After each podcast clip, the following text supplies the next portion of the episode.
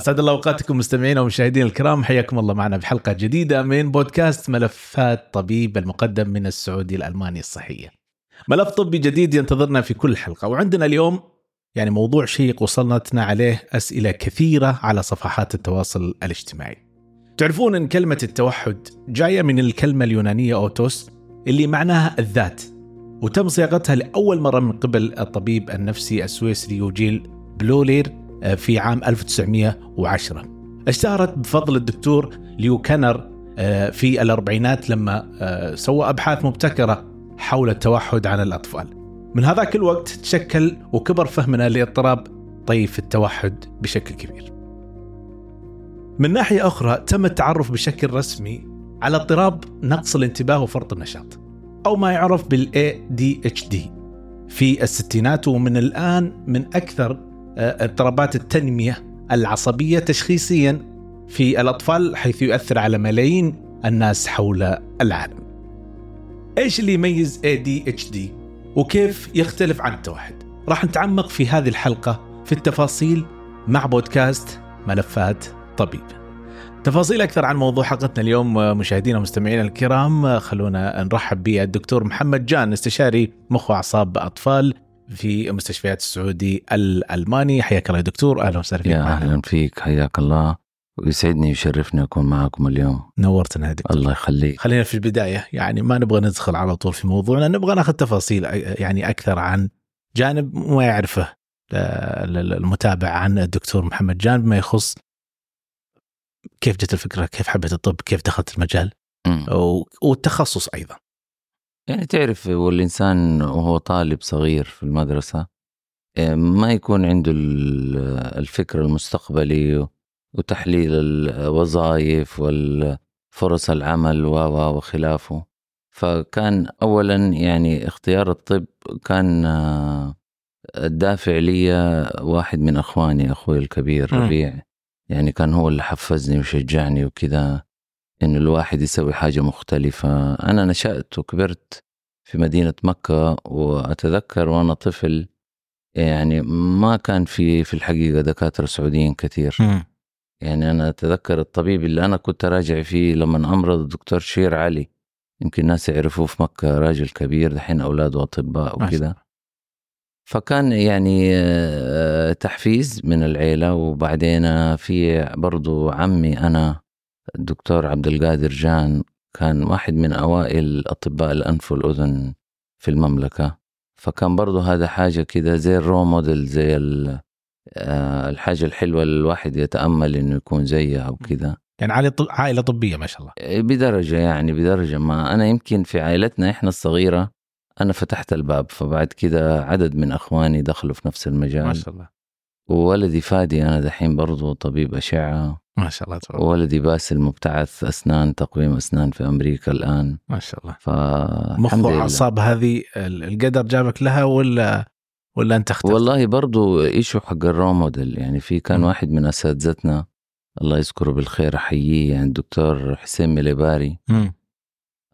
كنا وإحنا طلبة يعني كذا ننبهر ب لأنه تعرف الجهاز العصبي من الأجهزة اللي هي مبهمة معقد. يعني حتى حاليا م.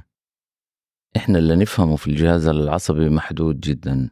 يعني الدماغ يظل فيه وظائف كثير وأشياء كثير غامضة لنا. الا نفهمه جزء بسيط. فكنا إحنا طلبة كده صغار يعني نشوف دكتور كده يعرف يفحص المريض ويطلع العلامات. فكان بالنسبة لنا wow كده wow factor. ف...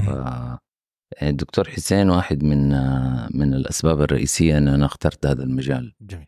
طيب دكتور خلينا نبدأ في موضوع حلقتنا اليوم. نتكلم عن التوحد وال ADHD آه خلينا نتعرف عن ال ال ال يعني الفرق بين هذه الأمرين أو بين هذه. يعني إحنا في الطب وفي ال specifically يعني بصورة خاصة في الجهاز العصبي عندنا قسمين من من الإشكاليات اللي نشوفها آه أو الأعراض أو المشاكل الصحية. في عندنا قسم أمراض آه و disease مرض. حسي ملموس عضوي عصبي آه، نعرفه بأشعة بتحليل بتخطيط آه، بحاجة ملموسة. هذه أمراض. وعندنا قسم ما يسمى اضطرابات أو disorder اضطرابات يعني التكوين ممكن يكون سليم. الإنسان شكله طبيعي. الدماغ تصويره طبيعي. ولكن الإشكالية في عمل وأداء الجهاز العصبي في الفانكشن أو الوظيفة. مم. آه والاضطرابات دي طبعا يعني أشكال والوان زي ما يقولوا لأنه الدماغ هو الجهاز المركزي يتحكم في الفهم والانتباه والتركيز والحركة والسلوك والتواصل والمهارات الاجتماعية و- والكهرباء إلى آخره وبالتالي عندنا تقريبا أمراض واضطرابات في كل واحد من هذه المجالات مم.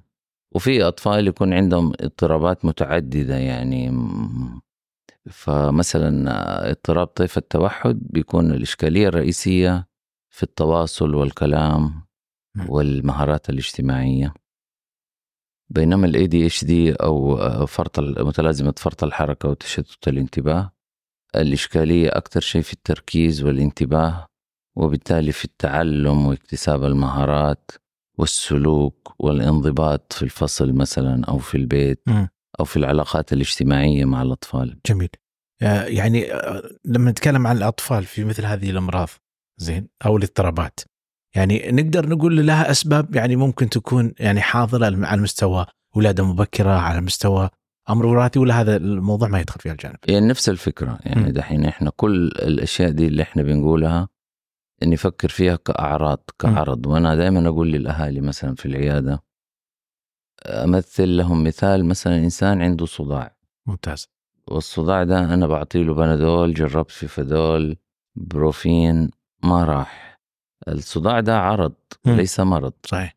فأحيانا الإنسان مثلا اللي مصدع آه، أحتاج أفحصه أتأكد ما عنده ضغط أو سكر أو نزيف أو وبالتالي جزء أساسي من تقييم الأطفال هذول.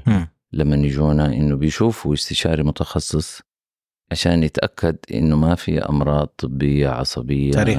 مريض مؤخرا يعني آه، في دراسات ودلالات كثيرة تشير إنه الاضطرابات دي أساسها جيني أو تكويني. كده مش جيني ال- التشوهات والأشياء الظاهرة زي متلازمة داون والأشياء دي دي تكون معروفة بس اضطرابات جينية في التكوين الداخلي ال molecular آه، ما ممكن نتعرف عليها إلا بتحاليل خاصة كده آه. ما بنسويها بصورة روتينية بنعملها فقط لو في اشتباه في العيلة في قرابة في تكرر للحالات مثلا. في علامات غريبة في وضع الطفل. جميل. خلافه يعني طيب دكتور خلينا نتكلم عن الحالات اللي متى يستدعي إن تكون فيها تدخل دوائي أو يعني بجلسات آه يعني القرار ده بالعادة يعني زي ما يقولوا إحنا ناخده خطوة خطوة يعني كده في خطوات. لما نشوف الأطفال دول الخطوة الأولى والخطوة الأساسية هي التشخيص مم. فإحنا أول شيء لما نتأكد إنه الطفل ما عنده مرض عضوي أو حاجة طبية عصبية آه، تشوه عيب خلقي نقص أكسجين آه، مرض عصبي انتكاسي مرض استقلابي مثلا مم. آه، بنحول الطفل للتقييم والتقييم ده يعني ما نحاول نظلم الأولاد دول إنه إحنا نقيمهم خلال العشر دقائق ولا الربع ساعة في غرفة الطبيب ها ممكن الطفل يكون. زي الملاك كده. وقاعد على الكرسي أو ممكن يكون مشاغب ومتحرك ومو شرط إنه هذا هو ال- آه، يعني ما ما هو ريبريزنتيف أو ما يعمل reflection لحياته فإحنا دائما التقييم ده بيعتمد على وجود الأعراض في على الأقل مكانين من ثلاثة أماكن في الحياة.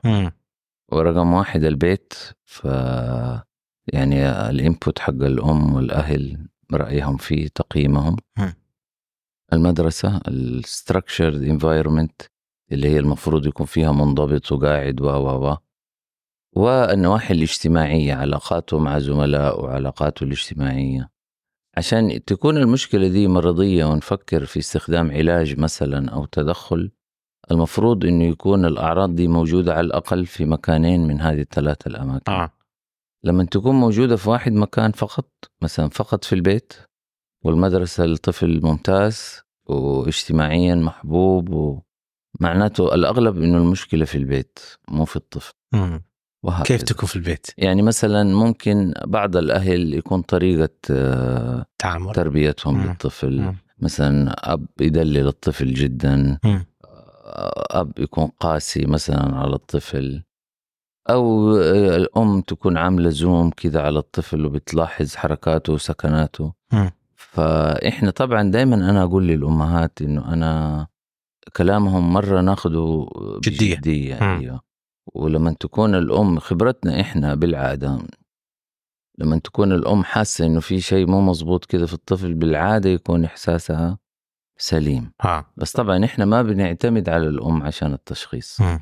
فهذه بتكون مرحلة إنه إحنا بنعمل تقييم مقنن كده للطفل بيعملوه أخصائيين الطب آه، آه، طب التقييم آه، نفسي بس مش مو نفسية مو psychiatry علم نفس مم. سايكولوجي بس دكتور يعني يعني معلش يعني صحيح بعض الأحيان نأخذ التقييم ونعتمد على تقييم الأم أو تعتمدون عليه.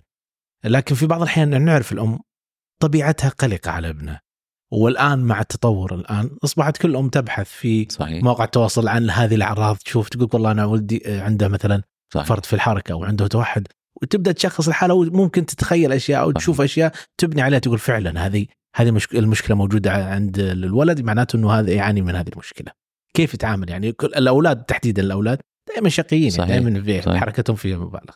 يعني هذا يذكرني بأول ما بدأ آه، تشخيص المسمى ده ال ADHD أو فرط الحركة مم. كان في آه، بعض الدول الأوروبية زي بريطانيا مثلا مم. آه، كانوا يقولوا إنه هذا ما هو ما هو شيء صحيح ها وإنه هذا نتاج التربية الأمريكية للأطفال إنه الأطفال مثلا في أمريكا آه، ما في ذاك الانضباط في العيلة ما في الديسبلين البريطاني مثلا مم.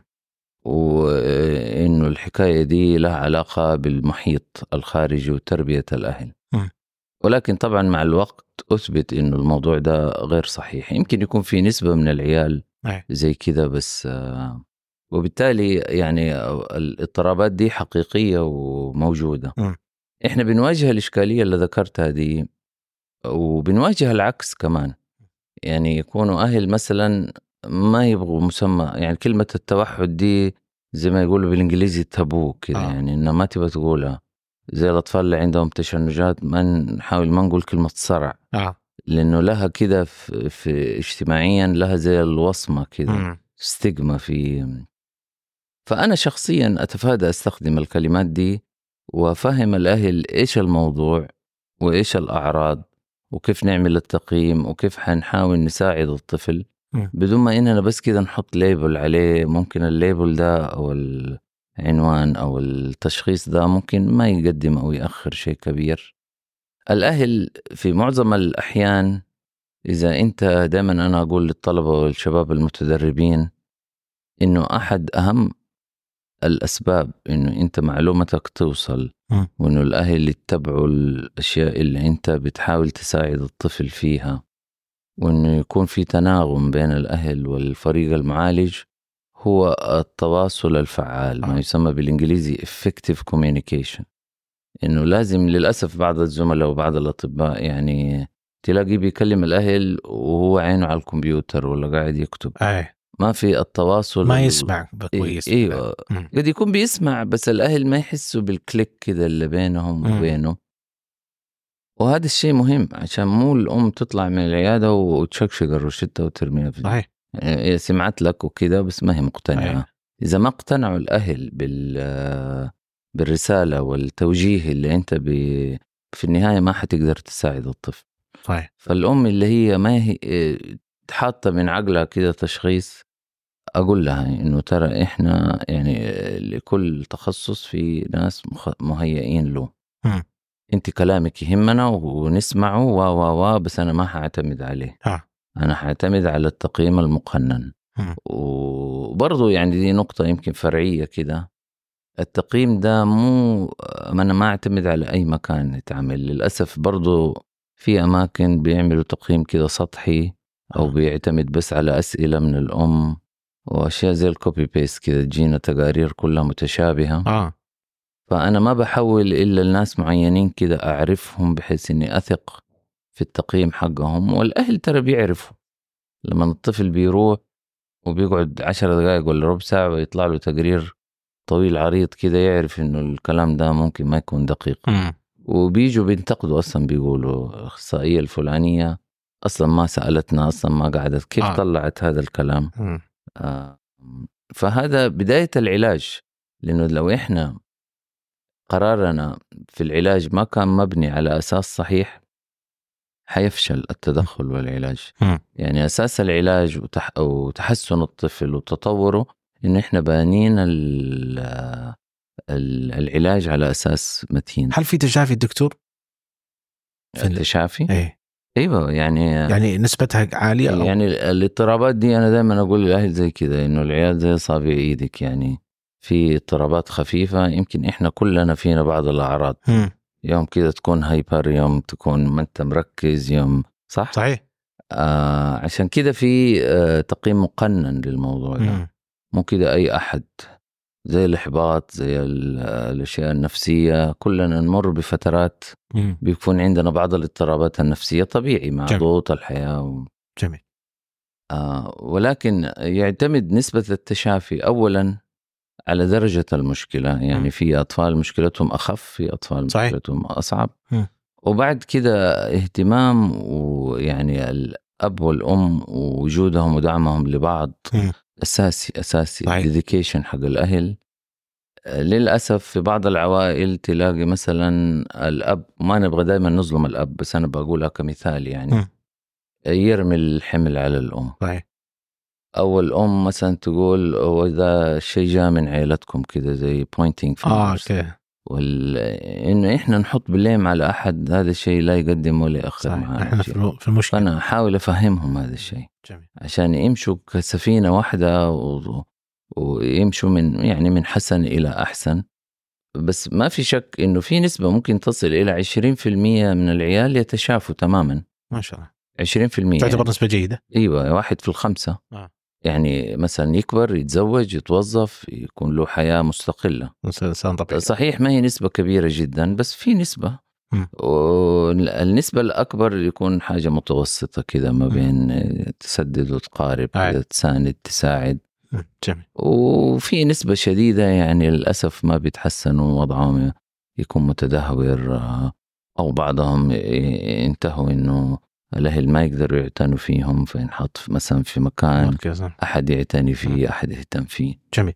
طيب دكتور يعني هل فعلا إحنا الآن في ال- الوقت الحالي صارت الحالات أكثر أو إنه صار أصبح عند ال- الأهل وعي أكبر في مثل هذه المشاكل؟ أنا أعتقد الاثنين ولكن في دراسات كثير أثبتت إنه فعلا الحالات دي في ازدياد.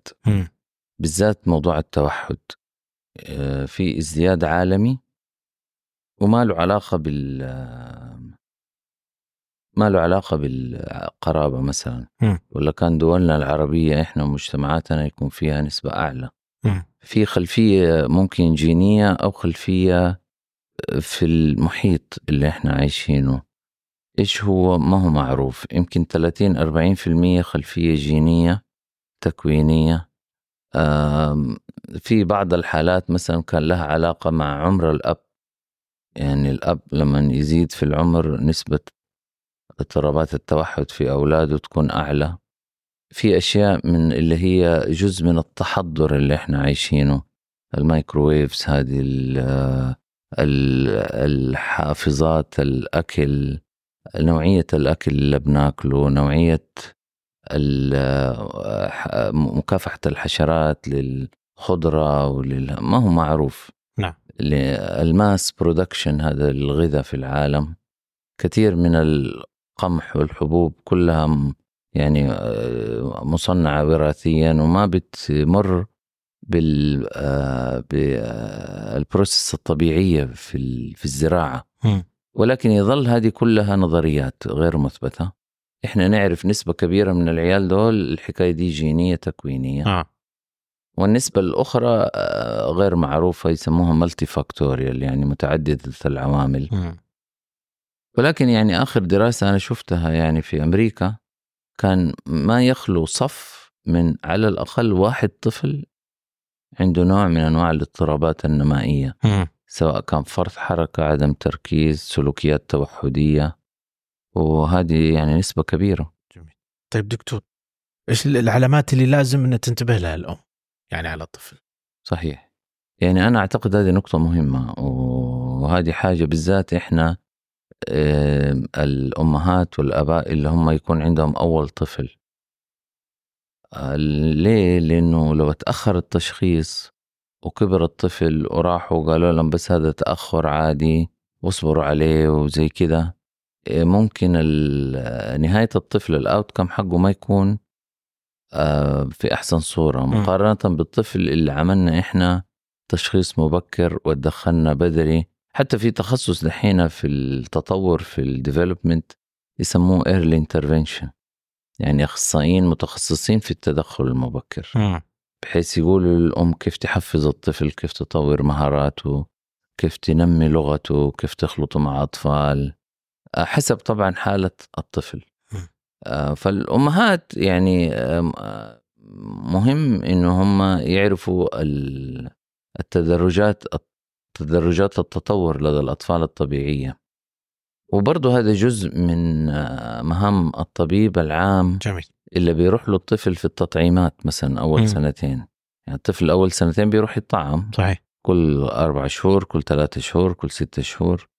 فجزء هذا ما يسمى عيادة الأطفال الأصحاء well baby clinic في. عيادات المفروض اسمها عيادة الطفل السليم فهذه من ضمن مهام هذه العيادات إنه بيعملوا screen كده إنه هل في أي أعراض تأخر أو أعراض توحدية أو أو بحيث إنه آه، مثلا مثلا أنا أقول لك مثال وحتى في قريب واحد من أقاربنا يعني واجه نفس المشكلة إنه طفل عنده أعراض توحدية بس تطوره العصبي سليم. آه، وما حدا انتبه إنه الطفل ده بيجيله التهابات متكررة وزكمة وحساسية وفي الحقيقة الطفل عنده موية في الأذاني.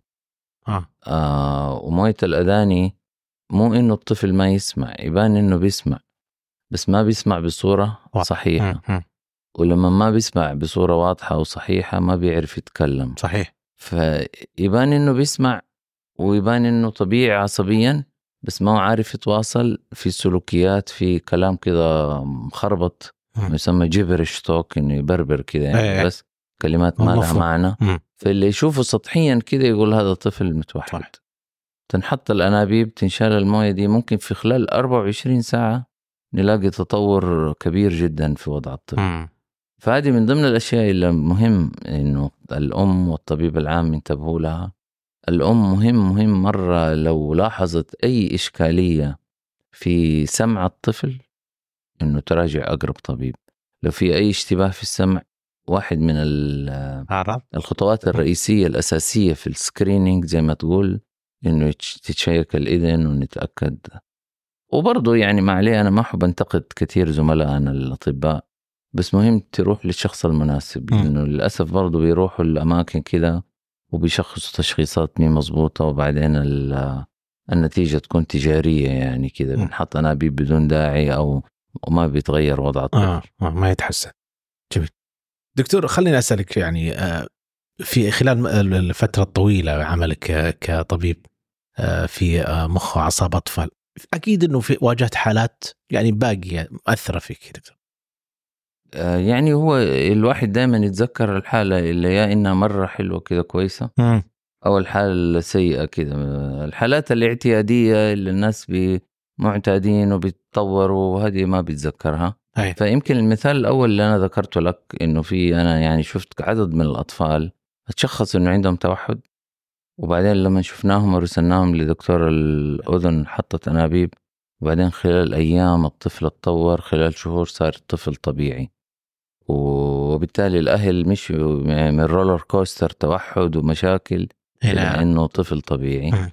أو حالات تكون للأسف يعني في حالات سيئة جدا وبيكون الطفل مثلا بيعتدي على نفسه ويضرب نفسه. وهذه الحالات برضو يعني بنواجه كثير عوائل بيقاوموا العلاج.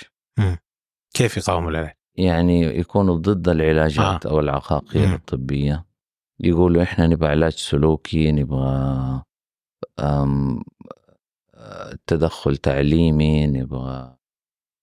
ولكن لما نضغط عليهم بالذات الحالات السيئة دي وبنبدأ بعض الأدوية المحفزة المنشطة للدماغ بيكون فرق يعني زي ما يقولوا كده استغفر الله زي السحر. يعني الطفل كده فجأة بيتحسن تحسن كبير جدا. بس أنبه إنه التحسن الرهيب ده في عدد كبير من الحالات مو ناتج من إنه بنعطيهم أدوية مهدئة. إنه طفل يكون زي كده متوتر حالته مرة صعبة الطبيعي في معظم الأحيان إنه ينعطوا مهدئات. ولكن لأنه هذه الإشكالية اللي إحنا بنشوفها اضطراب ولأنه زي ما نقول الهاردوير كده الدماغ نفسه سليم زي الإنسان اللي ما يشوف كويس أنت فجأة تركب له نظارة أو اللي ما يسمع فجأة تركب له سماعة. سماعة. تلاقيه فجأة كده صار منتبه ومركز. فالتوجه الآن إنه إحنا ندي أدوية محفزة أو منشطة. يجوا الأهل يقولوا طب أنت كيف تدي دواء منشط وهو نشيط؟ ببهدلنا وحرق. أقول لهم لا مش منشط للحركة مفهوم. منشط للدماغ. مم. فلما الدماغ ينشط الإنسان لما يفكر ويركز تلاقيه حركيا قاعد هادئ. هي.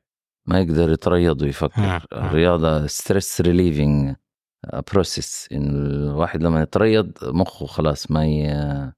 وبالتالي لما بنستخدم المحفزات أو المنشطات دي على طول الحركة بتهدى بطريقة غير مباشرة.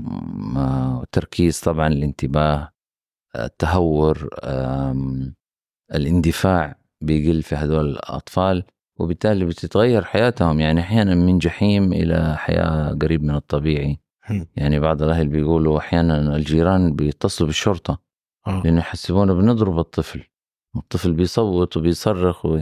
وبالتالي لما نحن بنعمل تدخل زي كده بيفرق مو بس في حياة الطفل حتى في حياة الأب والأم والمحيط اللي حوالينهم وممكن مستقبلهم حتى من ناحية استمرار علاقتهم وكده. لأنه الأطفال اللي زي كده بيعملوا ستريس ويعني توتر جامد على الأبوين. طيب. دكتور خليني بحكم إننا تكلمنا عن العلاج يعني إيش الفاصل بين العلاج والعلاج السلوكي؟ يعني متى يحتاج العلاج السلوكي ومتى يحتاج العلاج بالادويه يعني شوف زمان مثلا كانوا دائما يقولوا إنه لازم نبدأ علاج سلوكي إنه في أطفال فقط نستخدم علاج سلوكي. آه، ولكن وجد مؤخرا إنه هذول العيال ما يكون وضعهم بأفضل صورة آه، فكر فيها مثلا زي الإنسان اللي ما بيشوف كويس م. وأنت قاعد تبى تهتم فيه وتقريه وتعلمه و و و أنت بتعاني والطفل بيعاني بيعاني صحيح لما ندي دواء زي كأني بحط شوية تركيز نظارة م. م. يقوم الطفل يصير تحصيله أفضل وأسهل م. وأنت معاناتك أقل فهو العلاج في الأغلب تكاملي يعني برضو آه، الدواء بدون تدخل سلوكي يعني أنت تلبس نظارة وتروح تنام إيش استفدت من النظارة ولا شيء؟ يعني إذا ما أخذت الدواء وما في تقويم من الأهل واهتمام وتعليم وتدريب وتنمية مهارات م. ولازم يعرف الطفل إنه في ثواب وفي عقاب في صح في خطأ. ما حيتعدل سلوكه ويتطور بالشكل المطلوب م. ولكن القرار ده طبعا راجع للفريق الطبي المعالج. يعني مو كل طفل يحتاج دواء. آه، أحيانا اللي يحتاجوا علاج الأهل مو الطفل. يعني أحيانا كثير الأب والأم هم اللي أنا أحولهم لواحد يدربهم كيف يتعاملوا ويطوروا مهارات الطفل. حتى الأطفال الصعبين يعني أنا أقول للكثير من العوائل مثال إنه زي السيرك الحيوانات الله يكرمكم في في السيرك. ملك الغابة اللي هو الأسد ممكن إنه يتروض. وينط ويتشقلب ويعمل ويطلع صحيح. في نار صح؟ صحيح. هو يعني أقوى منك ومني ممكن يهجم علينا في ثانية. نعم. آه، كيف أنا أروض وأدرب الأسد؟ ده في استراتيجيات صحيح. ل آه إنه كيف الأم والأب يسيطروا بصورة إيجابية مو بصورة سلبية على الطفل آه علشان مصلحته. فيكون هذا أساس في العلاج. فهو يعني الجواب إنه الموضوع تكاملي كده. وأهم شيء قرار الفريق الطبي. في حالات لازم نبدأ بالعلاج لأنه وضع السلوكي ما حأقدر أدربه وأعلمه بدون ما يكون شوية أهدى وأكثر صحيح. تركيزا. صحيح. دكتور محمد جان شكرا لك. شكرا لتواجدك معنا في هذه الحلقة وأكيد استفدنا كثير من المعلومات اللي أعطيتنا في هذه الله الحلقة. الله يخليك ويعافيك وأنا شاكر لكم.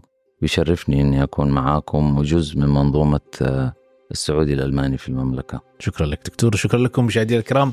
على طيب المتابعة. نلتقيكم بإذن الله تعالى في حلقات قادمة من بودكاست ملفات طبيب.